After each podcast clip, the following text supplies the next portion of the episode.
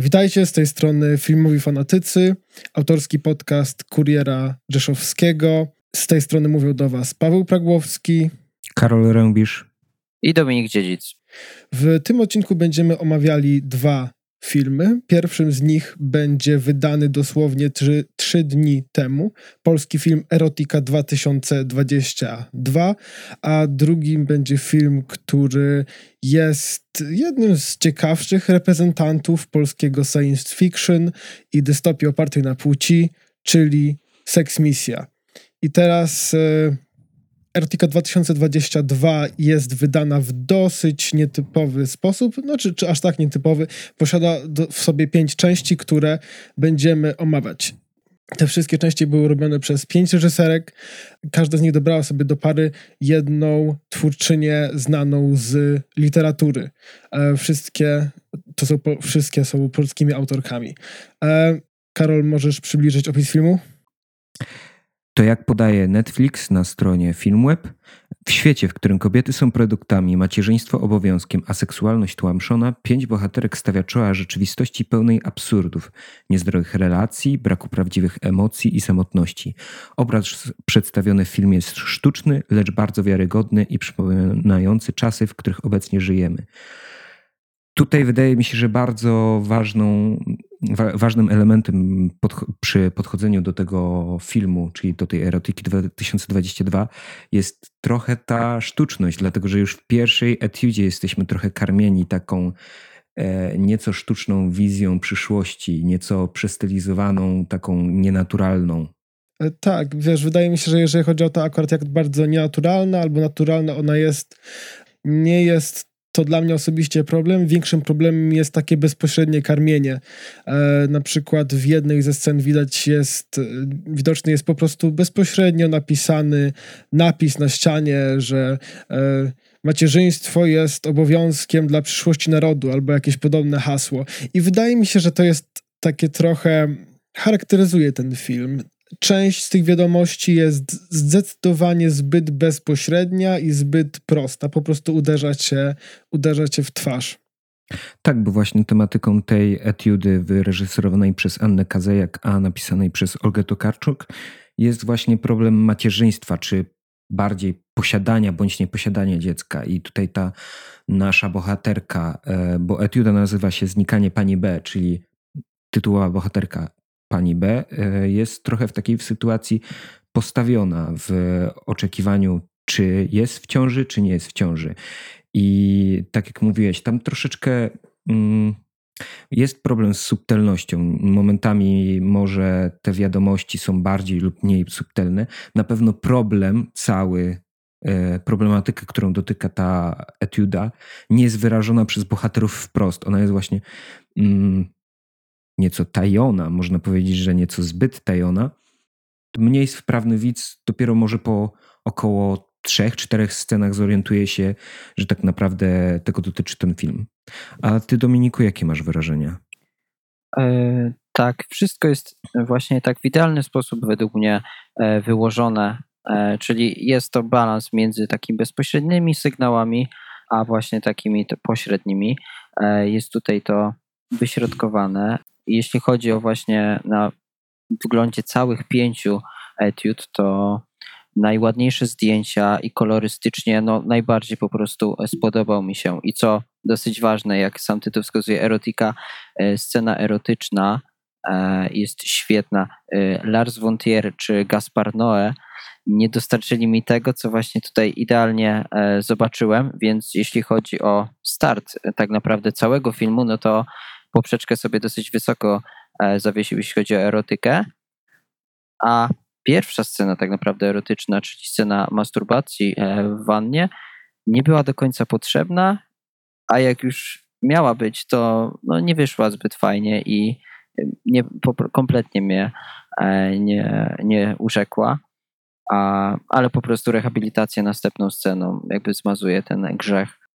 Jest dosyć po prostu spokojnie i bardzo dobrze, że właśnie e, zaczęto w ogóle całą, e, ca, cały film taką nowelą, taką właśnie częściowo sugestywną, częściowo nie, idealnie po prostu e, na rozpoczęcie.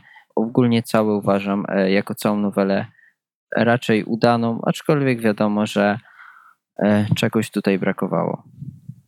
Tak, bo tutaj ma, właśnie w tej noweli mamy takie stylistyczne pieprznięcie, że tak powiem, e, najbardziej zjawiskowy wizualnie etiuda została wystawiona na początek, żeby pewnie zachęcić widzów do obejrzenia pozostałych etiud, może w poszukiwaniu podobnej stylistyki, może w poszukiwaniu po prostu podobnych doznań e, stylistycznych.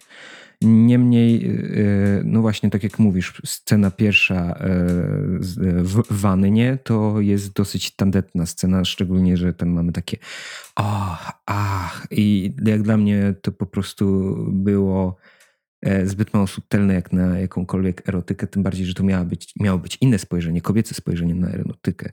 No ale właśnie tutaj mamy taki nieco, bal, nie, nieco zaburzony balans między tym, co wysokie, a tym, co niskiem. Mamy piękną scenografię, scenografię czy stylistykę nawiązującą do Wes Andersona, czy chociażby scenografię nawiązującą do Metropolis, a z drugiej strony mamy trochę banalną historię, e, nieco słabe nieco słabe, jeśli o to chodzi. Myślę, że jeszcze o tym nie wspomnieliśmy, e, że no, mimo wszystko e, całość, e, to, to, brzmi tak trochę jakbyśmy chwalili ten film, a mimo wszystko ja się dosyć mocno wynudziłem podczas tej pierwszej części i myślę, że jeżeli mowa o nudzie, moglibyśmy przejść do drugiej, która od pierwszej wydaje mi się jeszcze trochę nudniejsza. Jest to część, która się nazywa Niedźwiedź i została ona zrobiona w duecie Anna Jadowska z Grażyną Plebanek. E, obie te etiudy oczywiście mają wspólny aspekt ratio, czyli to jest właśnie ten, że tak powiem, rozmiar kadru akademicki i e, tak, przez chwilę myślałem, że może e, mamy kontynuację pierwszej etiudy i po prostu z kolorowego miasta przenieśliśmy się w jakieś szaroburę przedmieścia czy coś takiego, bo mamy bohaterów, którzy jadą pociągiem. Oni całkiem długo, mi się wydaje, jadą tym pociągiem i tutaj właśnie trochę włamuje się ten element, że mamy tą całkiem ładną scenografię, o której mówiliście w pierwszej części e, i ona tutaj moim zdaniem jest powtórzona, dalej tam jest, e, ona nie zniknęła, scenografię, e, no kinematografię bardziej, ale dalej jest tak troszkę, troszkę niezręcznie, troszkę nudnawo, i pod względem e, treściowym też częściowo jest to trochę puste.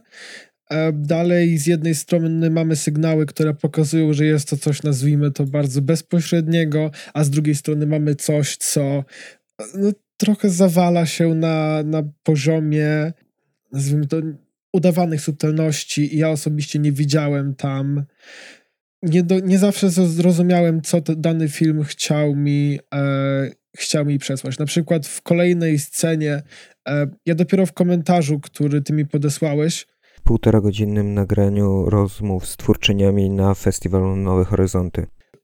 E, tak, dowiedziałem się, że jedna z, ze scen w tym filmie to ma być sen. W, jakoś w ogóle nie, nie, nie skojarzyłem tego z tym.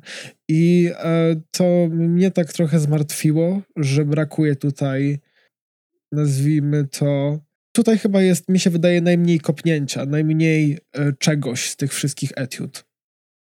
Tak, taka jest właśnie monotonność i właśnie przez tą monotonność nawet ta scena senna, ona się po prostu nie sprawdza, ona nie wydaje się być e, snem i sam nawet e, ten symbol, który jest tam użyty, to on nie do końca mam wrażenie, żeby się sprawdzał, ale tak, to jest zdecydowanie historia, która, zdecydo- która by wyszła lepiej na papierze jako jakieś opowiadanie literackie, a w tej reżyserii wyszło trochę nudno, trochę szaroburo i tak po polsku, ale nie do końca. I scena erotyczna, ona była całkiem niezła, aczkolwiek e, nie wiem, czy e, seks na kamieniach jest jakkolwiek wygodny. Dokładnie. Jeżeli dobrze pamiętam, aktorzy też e, skarżyli się na e, niewygodę e, siedzenia na, na zimnie w, w, przez tyle czasu. Tak, również scena erotyczna poza aktorami we mnie wywołała dyskomfort i też takie zniesmaczenie. Niestety było jej bliżej do porno niż do właśnie filmu erotycznego, a tak nie powinno być. Niesamowicie również się wynudziłem. Ani symbolika do mnie nie przepowiadała, ani nic tak naprawdę. Dla mnie trochę to było o niczym. E, nic nie mogłem dosyć e, pozytywnego z tego wyciągnąć. Miejscami dla mnie miałem jakieś takie wyglądy, jakby to była taka tandetna podróba lobstera, nieudolna, ale to tylko elementami. E, więc jakby wiele tutaj nie mam się nad czym rozwodzić. Dla mnie nieudany projekt. Jeżeli mowa o niczym, myślę, że spokojnie możemy przejść do nas wszystkich po prostu ulubionej części z tego zestawu, czyli części trzeciej o nazwie Mocno, która została zrobiona przez Kasię Adamik z Joanną Bator. Tak, zaznaczmy, że e, że nasza ulubiona to niestety nasi słuchacze tego nie widzą, ale wszyscy w tym momencie robiliśmy cudzysłowie. E, tak, to zdecydowanie nie jest najmniej udany projekt jest on najbardziej dziwny, e, najbardziej nieokrzesany, ale z drugiej strony kompletny niewypał. I mówiąc o podróbkach, mhm. tak jak ty, Dominiku, czułeś e, podróbkę Lobstera w drugiej etiudzie, tak ja tutaj czułem to, że podróbkę mamy Black Mirror, tylko ktoś z Black Mirror wybrał Black i pomyślał, że to jest kolor kupy.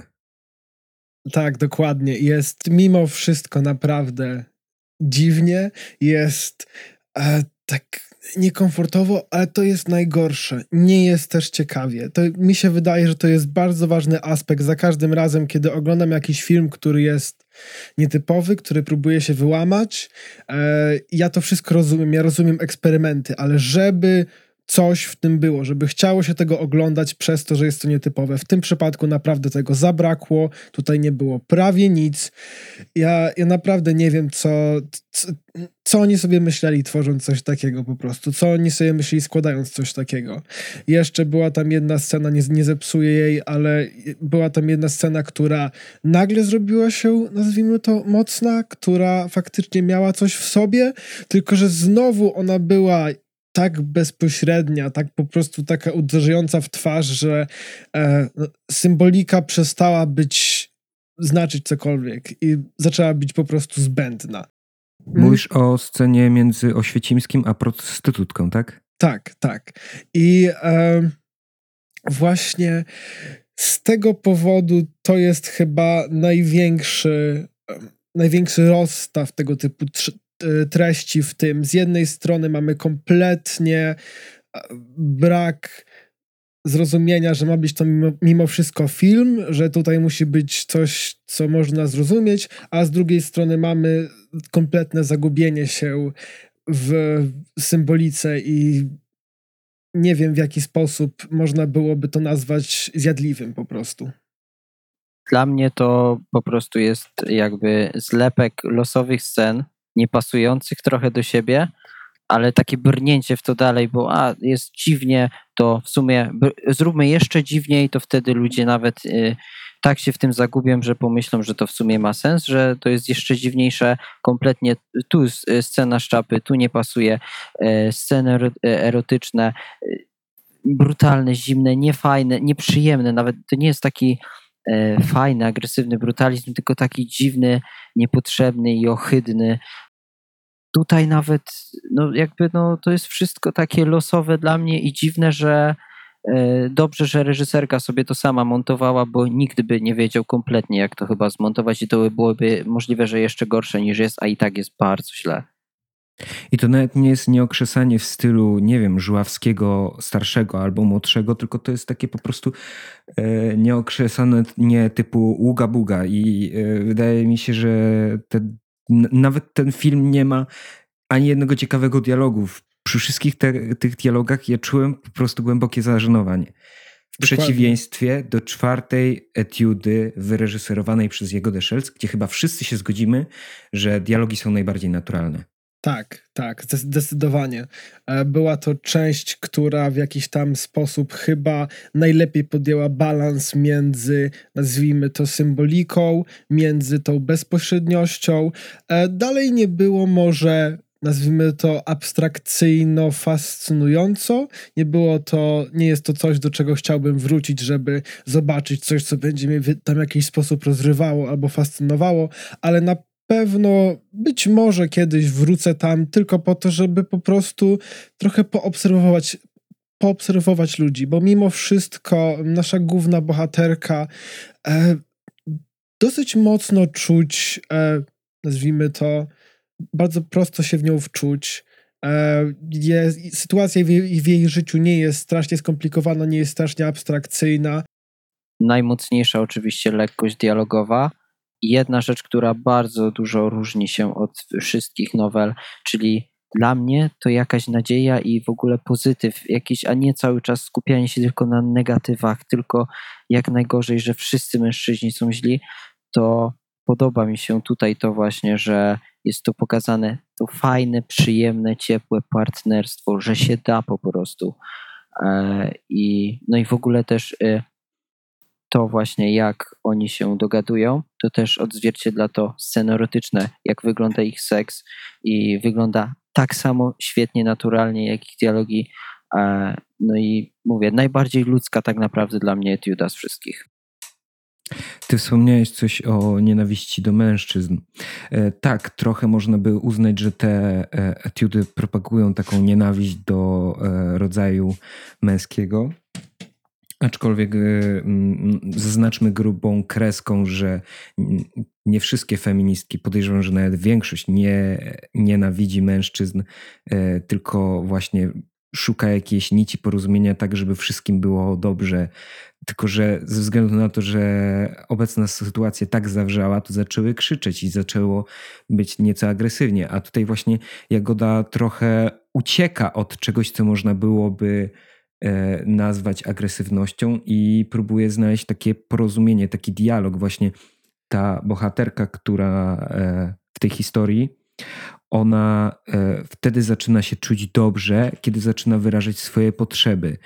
I e, po prostu mm, najważniejsze jest to, że ten koncept na film zakłada coś takiego, że przyszła jakaś rewolucja, przyszła ona po cichu, została między ludźmi, a ludzie się do niej zaadaptowali. I żeby po prostu, to jest taki, e, to jest taki mikrokosmos, żeby po prostu wszystkim było dobrze, to musimy zacząć ze sobą rozmawiać, musimy zacząć ze sobą współpracować i wszyscy musimy mówić na tych samych prawach. E, musimy się, nie wiem, tam trochę jest protest songów około klimatycznych. Ja bym powiedział, że też są jakieś protest, protest songi wegańskie i po prostu to jest cała jagoda. Jakby znasz jej twórczość, to wiesz czego się spodziewać i dostajesz to w pakiecie, co można się od niej spodziewać. Jest lekka symbolika, jest lekkość dialogowa, jest po prostu super. Według mnie najlepsza etiuda. I drugą moją ulubioną etiudą była etiuda piąta, wyreżyserowana przez Olgę Hajdas. Co na jej temat myślicie? E, tak, ja myślę, że też na pewno zasługuje ona na wymienienie. E, miała, jak nazwać, też troszkę pomieszała swoją symbolikę moim zdaniem, ale mimo wszystko mm, i też wykonanie w którymś momencie tam zaczęło trochę wirować, ale moim zdaniem dalej nie było źle i było wręcz no, w końcu ciekawie, w końcu coś było, coś e, co chciało się po prostu oglądać, moim zdaniem. E, wydarzyło, zaczęły się po prostu dziać rzeczy, coś, czego nie widzieliśmy w paru tych, e, tych etiudach. Tego mi brakowało, kiedy w końcu tak trochę doczo- no, czołgałem się przez ten film w jakiś sposób i w końcu doszedłem do tej piątej, to tak trochę się rozbudziłem na powrót i, i mam nadzieję, że ten, kto miał okazję pracować nad tym, dostanie y, jeszcze większy budżet, e, jeszcze większe możliwości i jeszcze więcej wyobraźni, żeby móc dostarczać e, takie rzeczy jeszcze lepszej jakości. To jest pewne nowum na rynku polskiego kina. Nie nowum może na e, rynku światowym, dlatego że to jest film bardzo tarantinowski, bardzo komiksowy, gdzie brutalność jest ogromna. Mamy właśnie historię vendety, gdzie Mm, w końcu kobieta, zamiast być może jakąś e, księżniczką, którą biały rycerz musi e, uratować zwierzy, to w końcu ona jest tym takim trochę agresorem, trochę mścicielem i to jest właśnie bardzo fajny, przyjemny polski film akcji. Jakby nie wiem, czy potraficie wskazać e, polski film, gdzie e, bohaterka mści się na mężczyznach. Albo w ogóle na Potrafi, kimkolwiek. Potrafiłbym wskazać, ale myślę, że twórczość Patryka Wegi to tak średnio można przypisać do typowo kinematografii, e, ale tak, y, pod tym względem widać mocną innowację.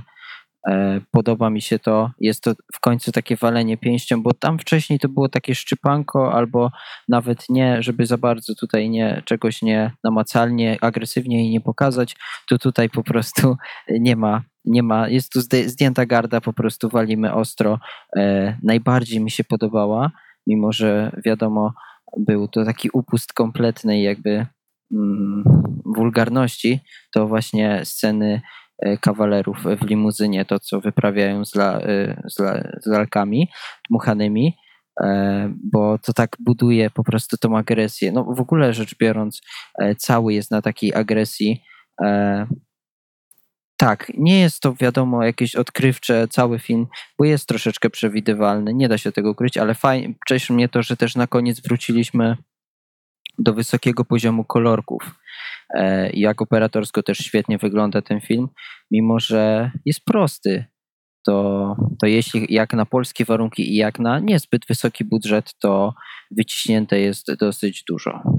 Dokładnie, prosty, a cieszy. Wydaje mi się, że jest to mimo wszystko taki element, którego w tych wszystkich etiudach do tej pory brakowało i te, które stawały się najprostsze, czyli ta właśnie czwarta i piąta, e, jakoś tak dopełniły to wszystko i dzięki temu e, po prostu dobrze się je oglądało.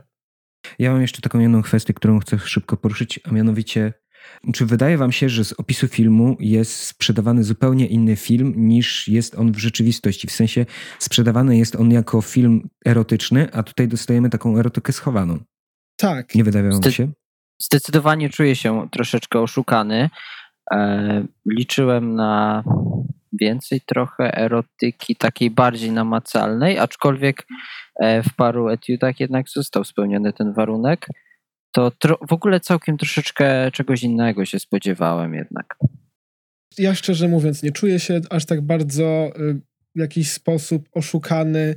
E, może to nie było w 100% to, czego się spodziewałem, e, ale myślę, że trochę na tym właśnie polegał ten, e, ten film, to co chciał powiedzieć, że są pewne różnice między postrzeganiem, nazwijmy to, erotyczności w, w stosunkach e, płciowych.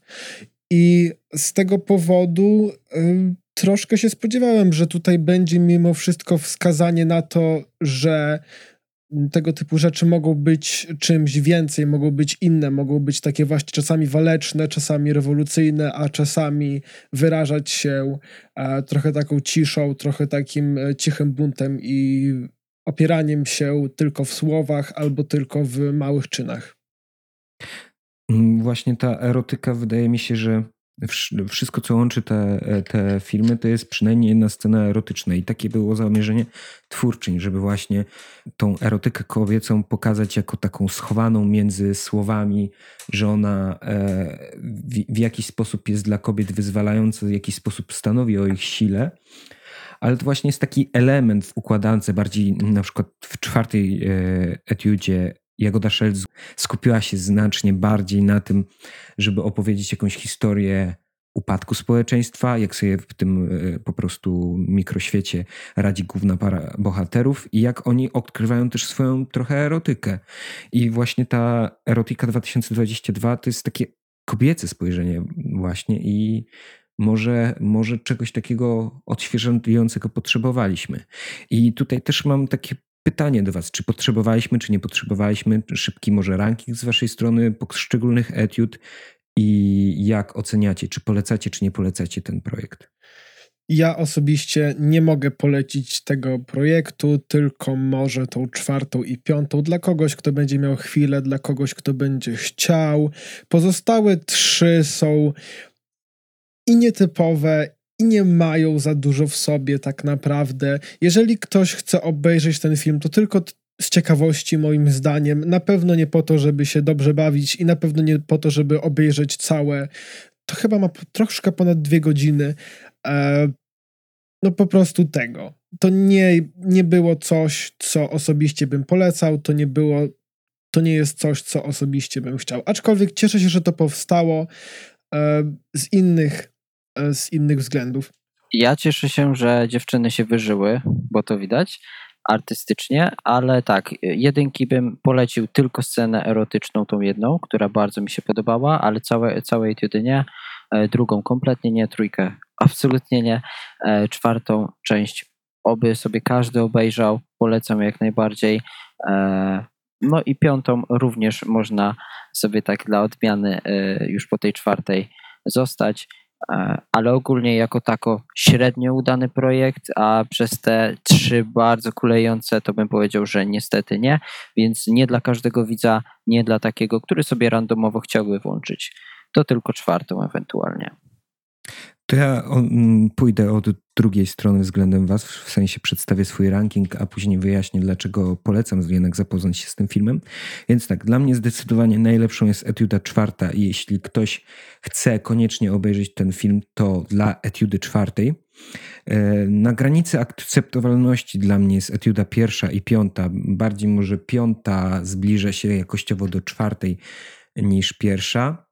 Jeszcze obejrzenie bez bólu, e, e, jeszcze obejrzeć bez bólu można etiudę drugą, aczkolwiek no, jeśli ktoś lubi to dosyć bardzo powolne kino, to jeszcze mu przypasuje, ale zdecydowanie nie polecam etiudy trzeciej. Ja przepraszam Kasia Adamik w tym momencie, ale widać, e, że nie podołała sobie, nie dała rady z tym projektem, który narzucał jej może trochę inną stylistykę niż zazwyczaj stosuje.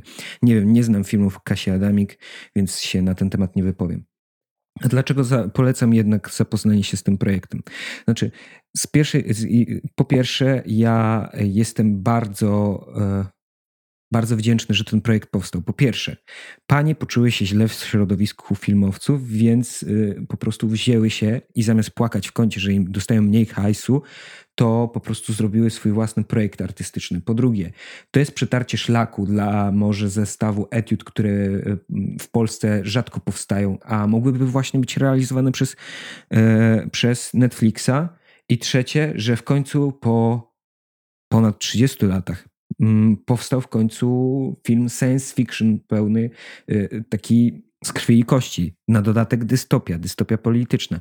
Może to jest jakieś przetarcie szlaku i z ciekawości naprawdę, chociażby etiudę czwartą warto sobie zobaczyć ze względu na lekkość dialogową, ze względu na świat przedstawiony i po prostu ze względu, że to jest projekt Jagody Szelc, a to jest najbardziej grzejąca chyba twórczynia w Polsce obecnie. I właśnie dlatego mówiłem, że cieszę się, że ten projekt e, powstał. Karol tutaj już to uzupełnił.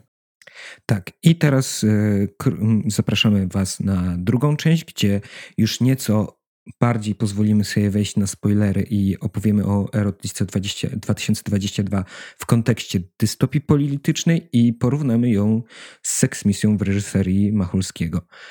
W tym momencie następuje krótka przerwa, a na drugiej części spotykamy się z Wami, którzy chcecie na ten temat posłuchać.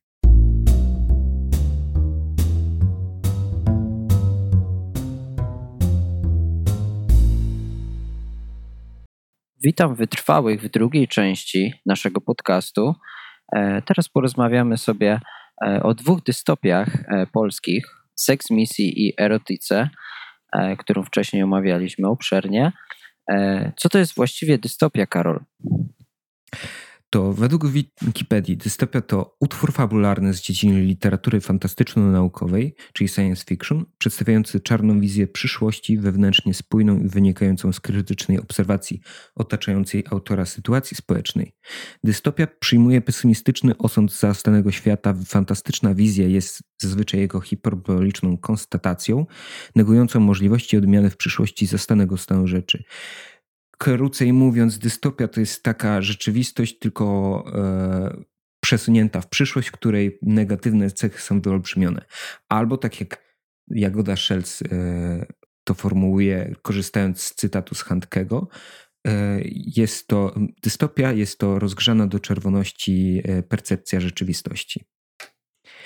I tak, jeśli chodzi o seksmisję, e, nie pytam o wasze wrażenia, dlatego że jak wiadomo, e, seksmisja jest komedią kultową, świetną, e, posiadającą niezapomniane te teksty, ale jednak na swój sposób Zestarzała to jest się. jednak relikt przeszłości, tak, tak, tak. Chodzi przede wszystkim o to, że Dzisiaj ten obraz Machulskiego zupełnie by nie przeszedł, dlatego że jest seksistowski i nawet niektóra, niektóre kobiety, feministki mogłyby się spierać, że jest antyfeministyczny.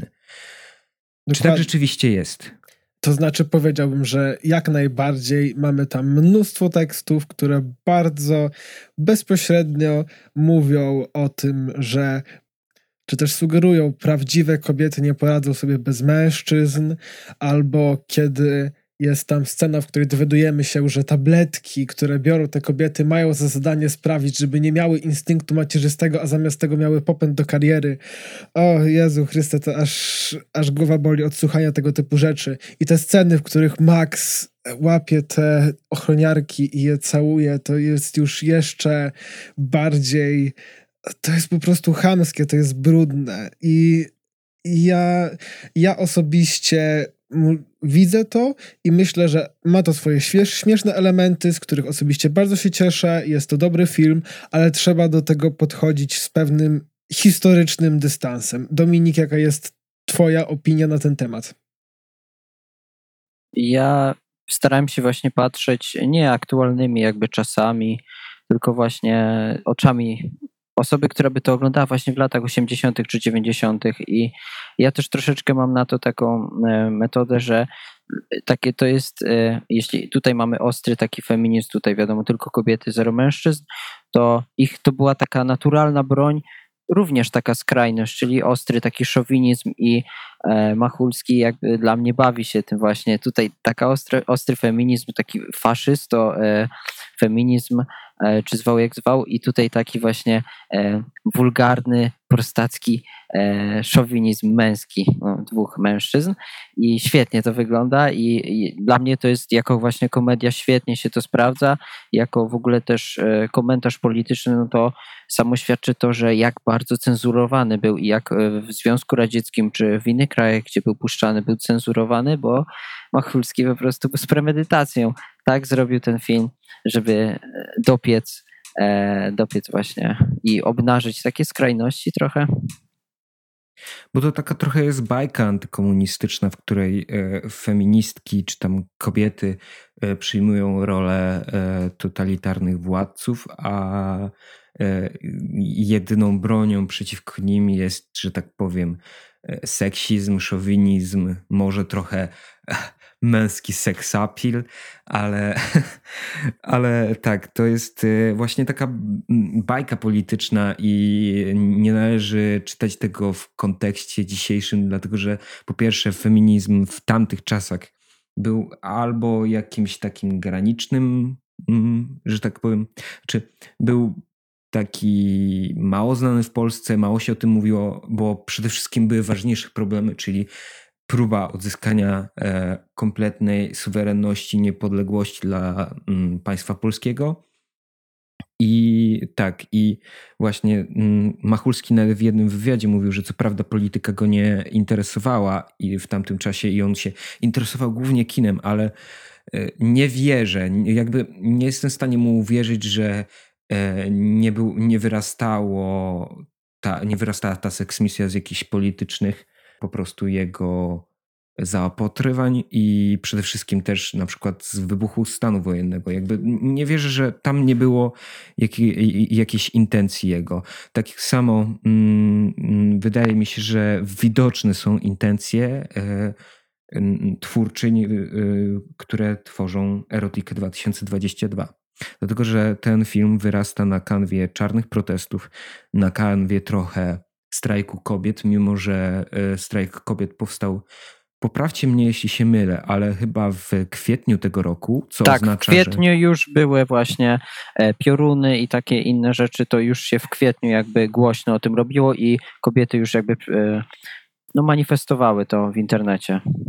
Tak, to właśnie chodzi mi też o to, że y, nasze twórczynie nie mogły o tym wiedzieć, co się zbliża, więc, bo pewnie już plany zdjęciowe były zamykane gdzieś około kwietnia, może przed pandemią nawet.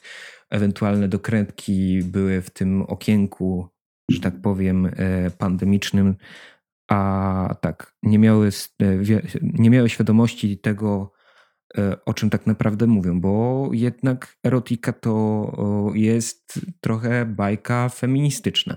E, jeżeli chodzi akurat o, mm, o to, w jaki sposób wygląda bajka, e, to w, w, w dwóch przypadkach mamy wyraźny kontrast. W jednej części kobiety są osobami, które są ofiarami, czyli w erotyce kobiety są osobami, które są ofiarami, a w przypadku seksmisji kobiety mają za zadanie być właśnie tym głównym złem, który w jakimś, w jakimś tam sposób opanowało męskość i chciało ją e, zniszczyć prawie do końca. E, no a jedynym lekiem na to jest ponowne uwolnienie mężczyzn od czegoś takiego. I wydaje mi się, że obydwie te historie w jakiś tam sposób e, trochę próbują pokazać tą drugą stronę jako złą, albo jako gorszą, albo jako niebezpieczną. Tylko w Sex Misji jest to na kompletnie innym poziomie i na takim naprawdę chamskim. I szczerze mówiąc, ja czasami mimo wszystko były takie momenty, w których e, coś we mnie tak trochę cierpło, kiedy patrzyłem, w jaki sposób e, próbują być zarysowane te nasze bohaterki. Znaczy, antybohaterki seksmisji. Twoja po prostu Twoja po prostu wewnętrzna feministka trochę cierpiała na tym filmie, nie? Tak, tak, po prostu. Ja, ja bardzo kiedy powiedzieli w którymś momencie, że e, mężczyźni, e, że kobiety nie są całe bez mężczyzn, a w nas w jednej z kolejnych scen jedną z głównych atrakcji były dwie całujące się kobiety, to było po prostu Ach, się we mnie trosz, troszkę zagotowało mimo wszystko, kiedy to zobaczyłem, no ale to takie czasy i co można z tym zrobić. Mimo to było tam dużo udanych żartów, również czasami opartych na, na płci i o nich nie można zapominać. Mi się podobało, tak w porównaniu do erotiki, że w Sex Misji bardzo silne były te kobiety. Mi się wiadomo, one były troszeczkę przedstawione, że są e, no takie silne i w ogóle twarde, ale łatwo je tam. Wystarczy, że mężczyzna i one już głupiają, ale, ale miały taką fajną siłę i taką twardość, a niestety w większości przypadków w erotice nie podobało mi się to, że no, kobiety są tymi ofiarami e, i w ogóle, a no, były tam momenty takiej tej siły kobiecej i w ogóle, ale troszeczkę z innych pozycji jakby wychodzą tutaj i to mi się właśnie w Sex Misji podobała ta siła. W sensie chciałbyś, żeby po prostu na ekranie w erotyce zagościły dużo bardziej silniejsze kobiety? Tak. Dla mnie jeszcze, ja tego się troszeczkę też bardziej spodziewałem, takiego e, twardszego feminizmu jakby. Więc tak, tego mi brakowało w erotyce, jak teraz sobie tak myślę. A w piątej części... Znaczy ja się trochę z tą nie zgodzę, bo E, ja się właśnie z tobą trochę nie zgodzę, dlatego że tam kobiety nie, nie za bardzo są stawiane w roli e, ofiary systemu. W sensie na przykład masz w piątej części e, bohaterkę, która sama wymierza sprawiedliwość. Tak, tu jest takie odwrócenie, ale to już jest takie, że ona że ona jest jakby, wiesz, jakby zasłaniając sobie piersi i stylizując się na mężczyznę, ona jakby udaje w tym mężczyznę troszeczkę jakby, wiesz o co chodzi. I brakowało mi w tych takich etiudach, tych typowo o, będących właśnie słabszymi kobietami, albo przynajmniej wychodzących z pozycji słabszych, że brakowało mi tej siły, którą właśnie widziałem, taką, takiej tej twardej energii kobiet, y, którą otrzymałem w Sex Misji. Bo może tak mi się wydaje, że intencją, intencją twórczyń nie było właśnie dowalenie e, że tak powiem, patriarchatowi, czy ogólnie mężczyznom, czy pokazanie e, kobiet w e, roli słabszych, bo tam czegoś takiego nie ma. W sensie wydaje mi się, że tam nie ma takiego pozowania na ofiary, jakbyś próbował trochę może powiedzieć. Dlatego, że no tak, w piątej masz tą bohaterkę, która sama wymierza sprawiedliwość. W jedynce masz e, bohaterkę, która do tego dochodzi, że sama musi wymierzyć sprawiedliwość, ale e, no tak, mamy tam taki trochę trójkąt, e, że tak powiem, gdzie jeden mężczyzna po prostu ten jeden mężczyzna jest beznadziejny, dlatego że ją zdradza, dlatego że e, on po prostu wymusza na niej to, że muszą mieć dziecko, a, aczkolwiek trochę nie rozumiem na przykład e, tego, że w pierwszej etiudzie jest moment, w którym mm, bohater odbiera jej kieliszek i to jest tak jakby pokazane, że odbiera jej wolność. Jakby, tak, no o właśnie. Co, o, o, co, o co chodzi? Jakby nie rozumiem tego. Jakby, tak, e, o to chodzi. O to, o, jeśli. Znaczy, mm, e, poczekaj sekundkę. Jeśli e, to ma wyglądać tak, że jej tylko, mężczy, jej tylko partner chciał, e, żeby ona miała dziecko, a ona tego nie chciała i w jakiś sposób po prostu było dla, ona do tego została zmuszona, to tak, oczywiście ona mogła nie dbać o to, co ma w sobie, ale dlaczego ona nie protestuje? Dlaczego ona nie wyraża wprost swoich poglądów? W sensie to jest dla mnie trochę niezrozumiałe, bo to jest taka niema postać, trochę taki, e, takie naczynie, na które przelewamy, że te wszystkie kobiety są takie cichutkie, po, posłuszne i e, no, muszą spalić mieszkanie dopiero wtedy, żeby źli mężczyźni coś zrozumieli. Jakby ja e, podoba mi się też właśnie czwarta etiuda, dlatego że tam jest miejsce na dialog. Tam jest dużo miejsca na dialog. Na Nie równość, tak? na równość tak. i to jest właśnie fajne. A właśnie o tym, o to, do te, to właśnie to znalazłeś to, o co mi chodziło, czyli w jedynce ona się nie buntuje, w trójce ona się nie buntuje. Cokolwiek jej mężczyzna by kazał zrobić, ona to zrobi, albo nawet jak tego nie chce, to i tak się na to zgodzi i nie ma właśnie tej siły tego sprzeciwu. A w czwór, czwórka jest tak świetna dlatego, że, że i tutaj tego mi nie brakuje. To, co zobaczyłem w Sex Misji, bo tam jest wolność i równość i dlatego czwórka jest najlepsza.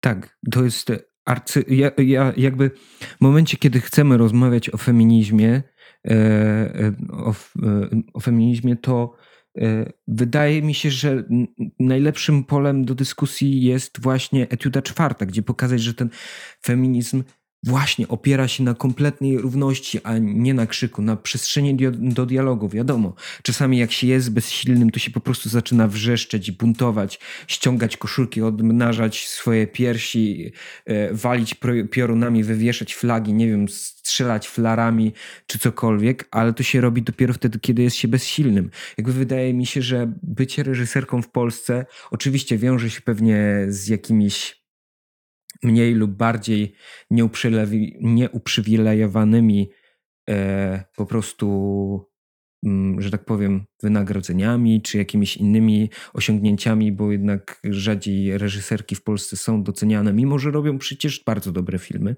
i e, rzadziej dostają na przykład pieniądze na dane projekty, a, e, a właśnie, a są jednak jakoś nieco bardziej uprzywilejowane mogą pozwolić sobie na to, żeby nie krzyczeć, tylko żeby właśnie stworzyć przestrzeń dialogu. Znaczy, oczywiście, teraz ze względu na to, jak jest podgrzana atmosfera, krzyczą wszyscy. Ja osobiście pod tym względem e, staram się nie wyrażać opinii na temat ludzi, o których e, nie wiem, bo sam zastanawiam się, jak jest. E, jak wygląda życie w, nazwijmy to, w miejscu, w którym e, ludzie odrzucają cię, ale w jakiś taki cichy sposób? I ty masz za zadanie to do pewnego stopnia akceptować, że jesteś, jesteś pomijany, e, że ktoś trzyma nad tobą kontrolę? I jak o tym myślę w swoim życiu e, faktycznie nazwijmy to prędzej mógłbym zrobić coś głupiego albo szalonego tylko po to, żeby się zbuntować, zamiast w jakiś tam sposób e, rozpocząć dialog, ponieważ jeżeli dochodzi do momentu, w którym jest dialog, to w tym momencie e, tak naprawdę moje szanse na, nazwijmy to, wydostanie się były niskie.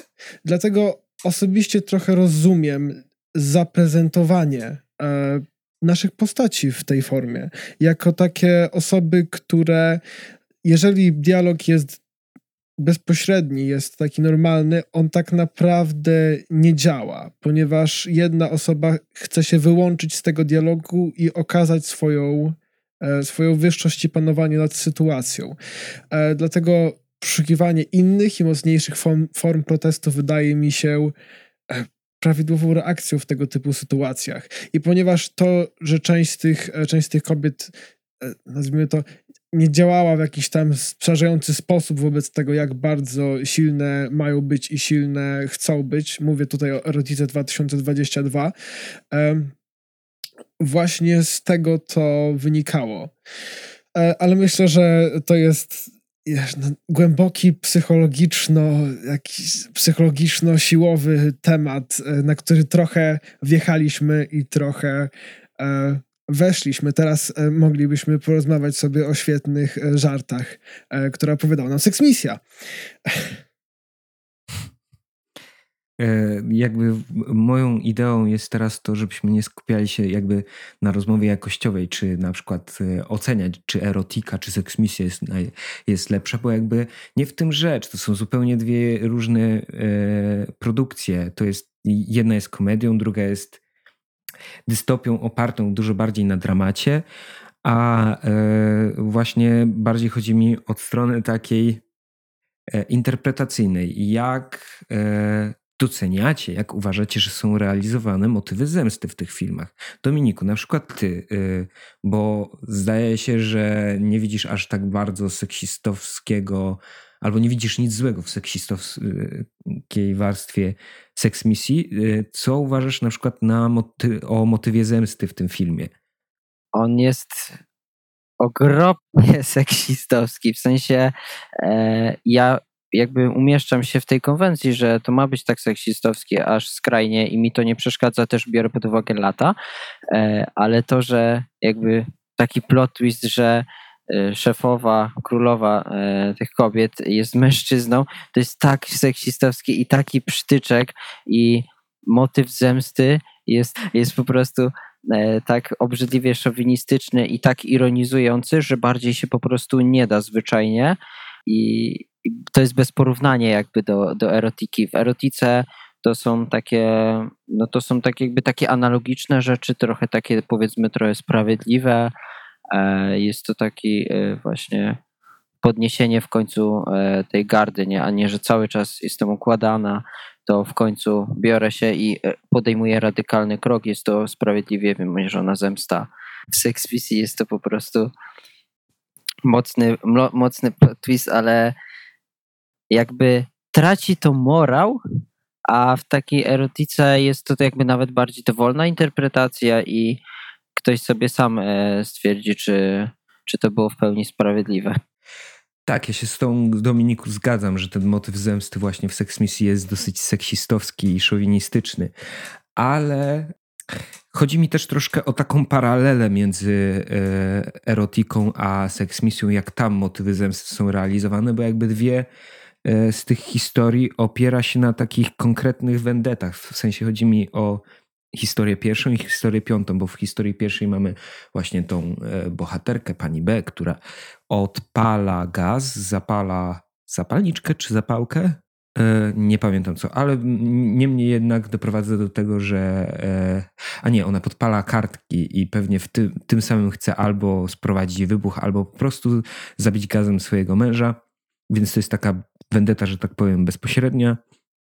A w historii piątej, no to wiadomo, mamy kompletną krwawą pożogę e, między mężczyznami. I tak mi się wydaje, czy to nie zrazi trochę kogoś, że taki mamy, znaczy nieprzekonanych e, do siebie po prostu do takiego feminizmu, czy do rozmowy o erotyce kobiecej, czy w ogóle o kobietach, e, takie działanie nie przekona.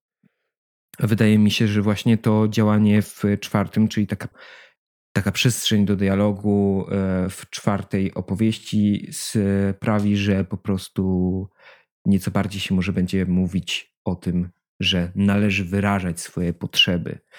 Bo właśnie chyba tak mi się trochę wydaje, że od tego się zaczyna. Zaczynamy wyrażać swoje potrzeby, zaczynamy dyskutować na ten temat, jak to zmienić, i dopiero wtedy coś się zmienia. W momencie, kiedy zaczynamy krzyczeć, że e, mm, wiadomo, niecenzuralne słowa, jakie się pojawiają na strajku kobiet, e, one są z czymś spowodowane, między innymi tym, że spsił się tak bardzo e, poziom polityki e, współczesny, ale może nie wchodźmy tak bardzo na ten temat.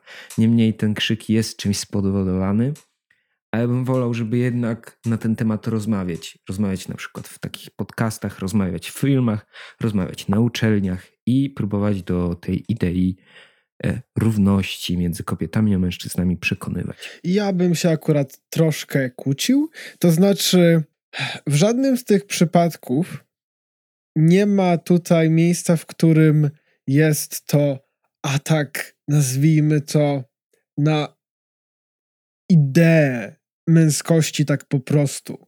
To znaczy wiadomo, że często ci antagoniści są męscy, tak, ale jest moim zdaniem różnica między takim, taką trochę potrzebą wewnętrzną, kurczę, chciałabym, żeby mąż, który źle mnie traktował przez tyle lat, spotkał po prostu koniec, czy e, żeby ci wszyscy gwiazdorzy, czy tam jakieś jacyś celebryci, którzy, którym wystawiono e, czy udowodniono przemoc wobec kobiet i prostytutek zapłacili za to.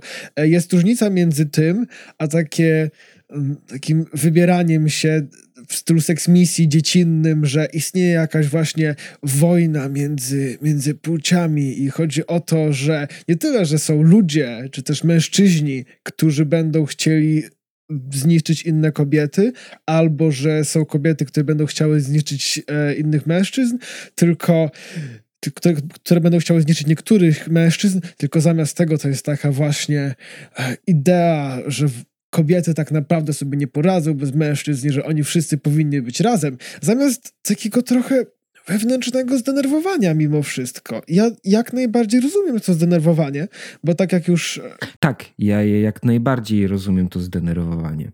E, wiem, że to tak, e, to tak trochę brzmi, jakby to było coś e, dosyć mocno może feministycznego, ale w takich momentach fantazja wobec tego, żeby zniszczyć e, swoich wrogów, jest poprawna i jej wykonanie, jeżeli nie jest połączone, nazwijmy to, z jakąś większą grupą, jest moim zdaniem no, po prostu sprawiedliwe, tak. E, mimo wszystko, kiedy teraz próbuję sobie przypomnieć wszystkie filmy, w których e, był taki motyw vendetty na kimś, tak? E, to nawet e, w takim Django e, w reżyserii w reżyserii Quentina Tarantino, mimo wszystko to nie było tak bezpośrednio powiedziane, że wszyscy biali ludzie są źli, tylko wielu z nich było w tym filmie antagonistami i była to vendetta przeciwko nim. I ona moim zdaniem jest trochę trochę sprawiedliwa, bo jak czyta się i dowiaduje się o tych rzeczach, które tam się działy i dzieją się po części do dzisiaj, które były powtarzane przez te pokolenia, e, to po prostu krew się gotuje. E, dlatego szczerze, e, o ile w przypadku seksmisji jest mamy, mamy całą płeć i osiągnięcia całej płci wrzucone trochę pod autobus, w szczególności tymi tabletkami. Nie wiem, dlaczego mówię o tych tabletkach, po prostu bardzo one mnie wkurzyło to, w jaki sposób to zostało powiedziane. Jest to wrzucanie całej osiągnięć całej płci pod autobus. A jeżeli jest to no właśnie dialog na temat osób e, i tego, że tego, że e, są osoby, które będą złe i należy się nim przeciwstawiać. Ja w tym przypadku po prostu temu winszuję, ja to rozumiem e, i szczerze mówiąc chciałbym, żeby było tego więcej i lepiej wykonane, ponieważ akurat ta, ta piąta miała potencjał moim zdaniem i powinniśmy zobaczyć kiedyś tego więcej. I właśnie takiej może e, sytuacji, kiedy nie trzeba się mścić, nie trzeba się na kogoś wkurzać, denerwować, tylko można równo rozmawiać, adresować swoje potrzeby, e, po prostu rozmawiać o tym, że chcemy być równi, chcemy być równe, e, że chcemy na przykład, żeby wszyscy mężczyźni używali feminatywów, czy na przykład, żebyśmy dostawali wszyscy równą płacę za równą pracę, albo żeby, nie wiem, nie było jakiegoś takiego cichego wykluczenia. Tego sobie i Wam wszyscy życzymy. Żegnają się z Wami filmowi fanatycy, czyli Dominik Dziedzic, Paweł Pragłowski i Karol Rębisz.